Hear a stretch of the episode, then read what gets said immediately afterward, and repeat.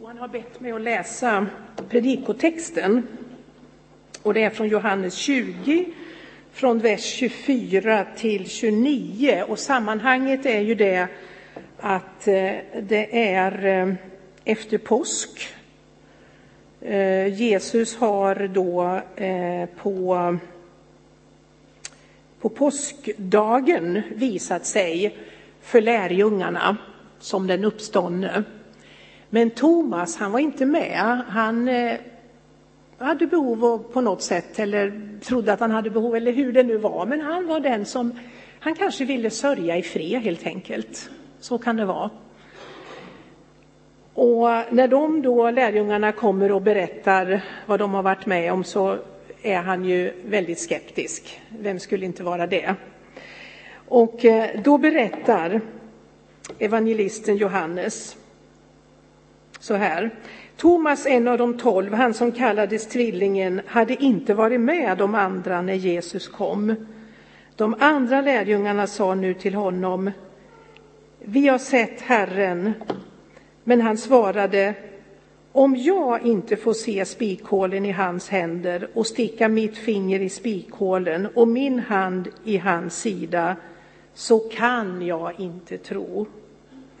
Åtta dagar senare var hans lärjungar samlade igen där inne och nu var Thomas med dem. Då kom Jesus medan dörrarna var låsta och stod mitt ibland dem och sa Frid vare med er. Sen sa han till Thomas Kom med ditt finger och se mina händer. Kom med din hand och stick den i min sida och tvivla inte utan tro. Thomas svarade honom, min Herre och min Gud. Jesus sa till honom, du tror därför att du har sett mig.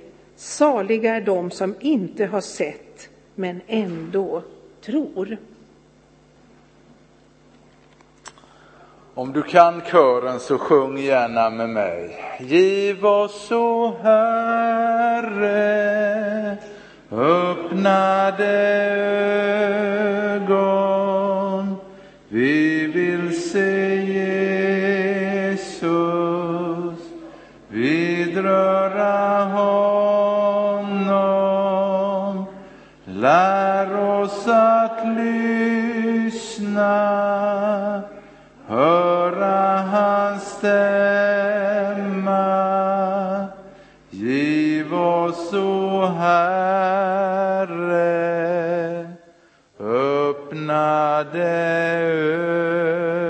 Ögon. Amen. Vet du att bakom varje sår så finns en berättelse. Jag har ett stort ärr på den högra vaden och det fick jag när jag var barn och vi badade på Amundön och jag skar mig på havstulpaner. Och så har jag ett stort ärr under det högra knät här och det fick jag när jag spelade innebandy i lumpen och en kompis satte fram bladet på det blanka betonggolvet så jag for all världens väg in i en tegelhög, vad den nu skulle stå där för. Och jag fick ett stort jack precis här under knät. Så är det. Du har säkert dina och vi kan prata om det länge här ute på torget sen. Men nu handlar inte predikan om mina sår, utan om Jesu sår. Och dagens rubrik är Aposteln Thomas, han som lärde känna Jesus genom hans sår. Eftersom jag är obotligt nyfiken på människor så älskar jag att studera Bibelns personligheter. Och mina studier har visat att Bibelns personligheter på många sätt liknar dig och mig. Ett sådant exempel är just Thomas, tvillingen som han också kallas. Vem hans tvilling är, det vet vi inte för det framgår inte. Men man kan säga att Thomas har många tvillingsjälar eftersom vi liknar honom allihop. Men för de flesta av oss är nog Thomas mest känd som tvivlaren. Och det är intressant. Därför att i Johannes elfte kapitel är det just Thomas bland alla Jesu lärjungar som inte tvekar en sekund att dö med Jesus. Och denna dubbelhet stämmer väl in på Thomas. Han är både modig och modlös. Aposteln Johannes tar oss med till den övre salen kvällen före Jesu korsfästelse. Och Jesus har just firat påsken med lärjungarna och hållit sitt avskedstal. Och lärjungarna var ju förstås bestörta. De hade lämnat allt för denne Jesus skull och nu var det han som tänkte lämna dem. Och Jesus försökte få dem att förstå att hans död inte var slutet utan början på någonting nytt. Och Jesus han säger, och ni har hört de här verserna kanske i, i ett eh, begravningssammanhang eller en begravningsgudstjänst. I min faders hus finns många rum. Om det inte vore så skulle jag då ha sagt er att jag går bort för att bereda plats åt er. Och om jag än går och bereder plats åt er ska jag komma tillbaka och ta er till mig för att ni ska vara där jag är. Och sen säger Jesus någonting som förbryllar Thomas. Vart jag går, det vet ni. Den vägen känner ni. Och Thomas kunde inte behärska sig utan frågar, Herre, vi vet inte vart du går. Hur kan vi då veta vägen? Thomas hade inte förstått att Jesu uppdrag sträckte sig bortom dödens gränser. För Thomas var Jesu död en katastrof. Och när lärjungarna var församlade i den övre salen kvällen då Jesus kom, då var inte Thomas med. Vad var Thomas? Varför var han inte med tillsammans med de andra? I Johannes berättelse om Thomas framgår klart och tydligt varför inte Thomas var med i den övre salen den gången då Jesus kom. Thomas var inte där därför att Jesus inte var där. Jesus var död. Thomas hade sett med egna ögon hur Jesus hade böjt ner sitt huvud och gett upp andan. Men inte nog med det. Han hade också sett hur soldaterna tog sitt spjut och stack upp det i Jesu högra sida så att allt blod rann ut. Jesus var död och Thomas, han hade sett det med egna ögon och det kunde också hans nära vän Johannes intyga. Och eftersom Jesus var död så existerade inte Jesus längre. Berättelsen om hans liv var slut. Och med hans död slocknade alla ljusa brinnande framtidsdrömmar. Alla förhoppningar om en bättre värld var som bortblåst. Och det är ju knappast någon överraskning för oss att döden är slutet för allt levande. Ingmar Hedenius, en stor kristendomsmotståndare under 1900-talet summerade vad många människor skulle säga, även Thomas. Mänskliga kroppar som verkligen dött förblir döda. Thomas sa, jag lutar mig mot vetenskapen som säger att döda inte uppstår. Allt jag vet, sa Thomas, är att när en människa ger upp andan är hennes liv definitivt slut. Du förstår, sa Thomas, jag såg Jesus dö och jag kan intyga att han verkligen var död. Så går ni andra till den övre salen, men jag kommer inte följa med dit. För Jesus är ändå inte där. Men så i takt med att ryktet om den tomma graven började sprida sig samlades lärjungarna på nytt i den övre salen. Och vi läser bakom låsta dörrar, för de var ju fortfarande rädda. Men Thomas, han var inte där. Då kom Jesus och stod mitt ibland dem och sa frid vare med er. Och för att förjaga lärjungarnas rädsla, de trodde ju att han var ett spöke, så visar han dem sina händer och sin sida. Tänk, tänk om Thomas hade varit där. Istället gick han miste om glädjen och friden i Jesu närhet. Och detsamma gäller många kristna idag. Liksom en glödande kolbit som slocknar där den faller ur elden falnar också tron hos dessa kristna när de inte längre håller tron vid liv. De är inte där. Jesu spiksår gjorde ett sånt starkt intryck på Jesu lärjungar att de blev allt ivrigare att berätta för Thomas att de mött Jesus. Och så läser vi att åtta dagar senare var de återsamlade bakom låsta dörrar.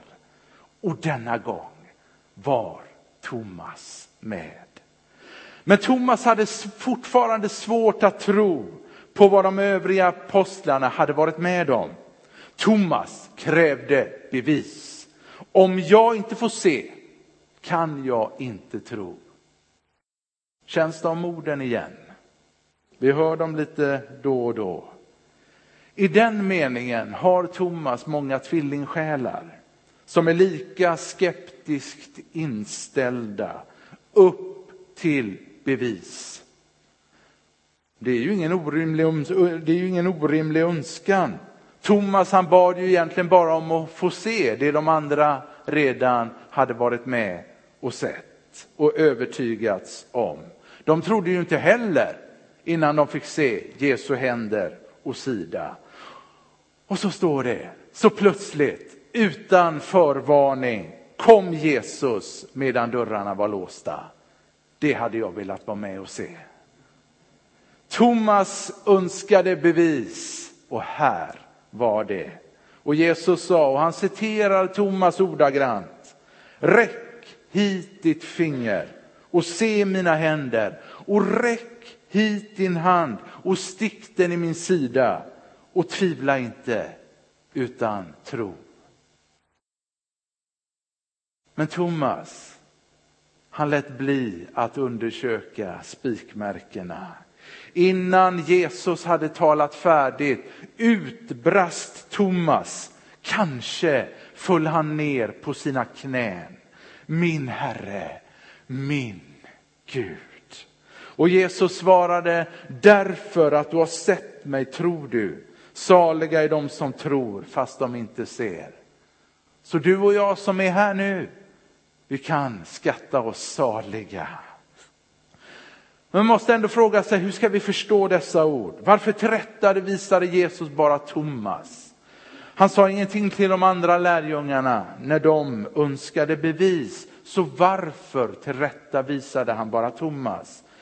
Jo, på grund av Thomas tröghet att tro, fastän uppståndelsen var tillräckligt bevisad.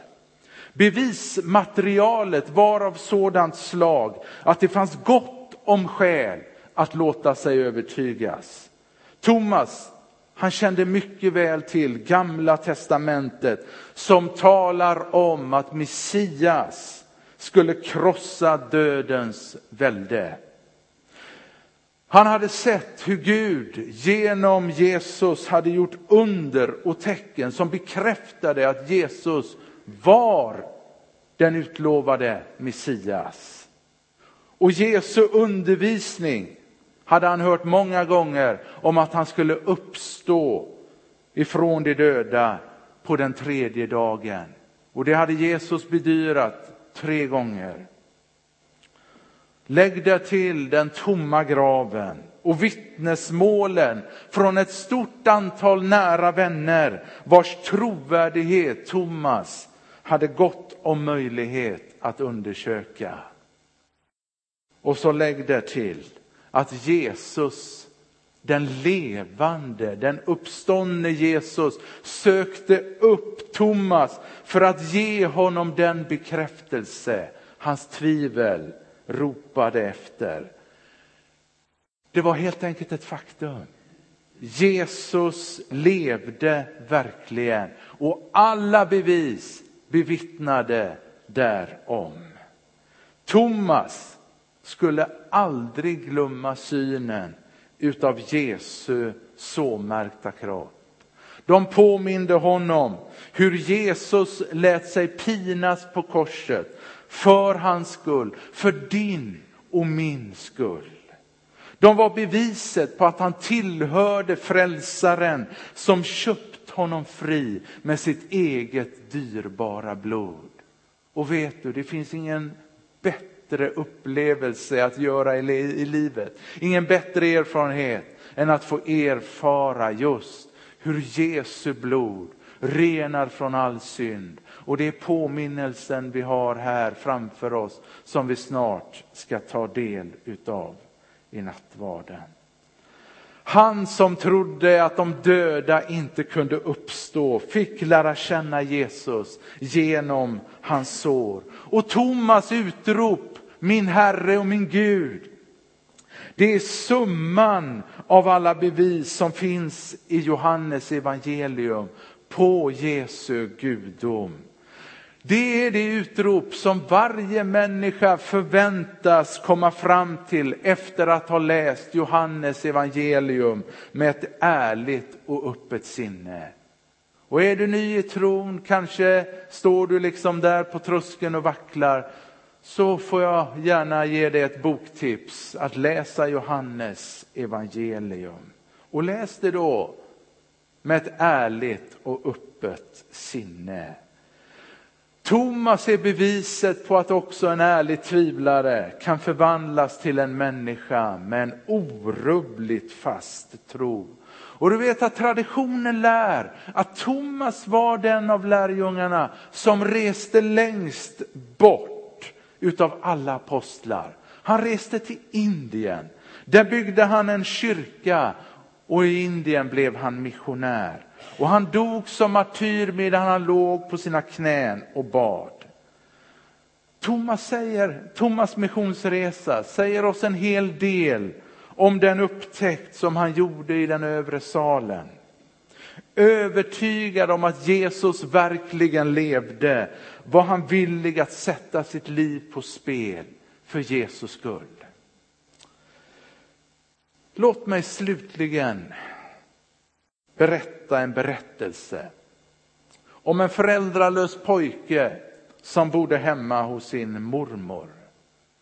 Men så en natt så började huset att brinna och mormon som försökte rädda pojken omkom i lågorna. Och alla som såg att huset brann hörde hur pojken ropade inifrån huset.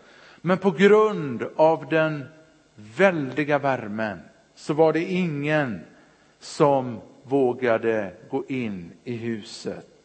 Men så plötsligt rusar en främling fram ur hopen som via ett stuprör klättrade upp till andra våningen och räddade pojken. Och så några dagar senare var alla samlade i stadshuset där man skulle bestämma vem som skulle få vårdnaden av pojken. Och alla som önskade få vårdnaden av pojken fick lov att säga någonting under ett par minuter. Och en klev fram som sa, jag har en stor gård. Där skulle pojken få ett bra liv. En annan sa, jag är lärare och har ett stort bibliotek. Här skulle pojken få en bra utbildning. Och så klev den rikaste mannen fram och sa, jag har det gott ställt. Jag skulle kunna ge pojken allt som sagts här ikväll. Jag tar gärna hand om pojken. Och så frågade domaren eller ordföranden, vad han nu var, är det någon mer som skulle vilja säga någonting? Och det var tyst ett slag. Men så reser sig en man ifrån den bakersta bänken. Och när han går fram i mittgången så märks det i hans ansikte att han har ont. Och han ställer sig framför pojken och drar smärtsamt upp sina händer ur fickorna. Och den lilla pojken som har stått med blicken ner i backen eh, riktar sin blick mot mannen, tittar upp och märker att mannens händer är fulla med ärr. Och pojken hajar till. Här var den man som hade räddat hans liv. Och pojken han slår armarna om mannen, om hans hals och vägrar släppa taget. Och de andra som hade önskat få vårdnaden om pojken går därifrån en efter en. Och kvar är bara pojken och hans räddare. De sårmärkta händerna gjorde ett starkare intryck på pojken än allt det andra. Mina vänner, pengar, prylar, utbildning och karriär kan ibland likställas med ett lyckligt liv. Men varaktig lycka har ingenting med dessa ting att göra. Nej, genom tron på Jesus Kristus äger vi ett överflödande liv som sträcker sig bortom livets gränser, bortom dödens gränser. Sann lycka består i att lära känna Jesus Kristus och hans sår. Och dessa sår säger oss som avslutningsord. Jag gav mitt liv i döden för att återlösa dig ur bittra synda nöden. Till evig glädje för dig göt jag mitt blod för dig. Vad har du gjort för mig? Låt oss be. Jesus Kristus, så tackar vi dig för att du är uppstånden. Du är levande och sann. Herre, du tåls att prövas därför att du står emot allt Gud som trotsar dig. Men du ger också gott om bevis för den som är ärlig och öppen i sina tvivel, som söker svar. Jag tackar dig Gud för att du ser oss var och en och du känner oss var och en. För vi är liksom så olika långt gångna på trons väg. Herre, en del vill ha svar, men de vet inte var de ska söka. En del söker svar, Gud, och får vänta kanske olidligt länge på svar. Herre, kom Gud du som är hjälparen genom den helige Ande och hjälp oss på trons väg Gud att komma vidare, att komma djupare. Jag tackar dig helige Ande att du som utforskar djupen hos Gud. Herre, helige Ande, du vet precis vad vi behöver. Tack.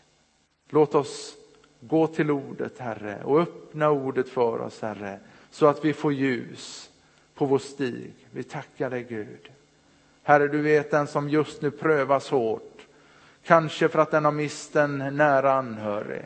Kanske för att den fick ett besked, Herre, som inte var önskvärt. Och det plågar och det gör det tungt.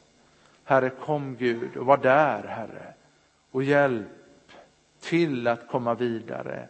Att söka sig nära dig, att vara med i trons gemenskap, Herre. Inte söka sig ifrån, Herre. Utan Gud, kom, kom Gud. Så att det glödande kolet får brinna och flamma. I Jesu Kristi namn. Jag välsignar resten av mötet, Herre. I nattvardsfirandet, Herre. I Jesu Kristi namn och i gemenskapen. Tack gode Gud. Amen.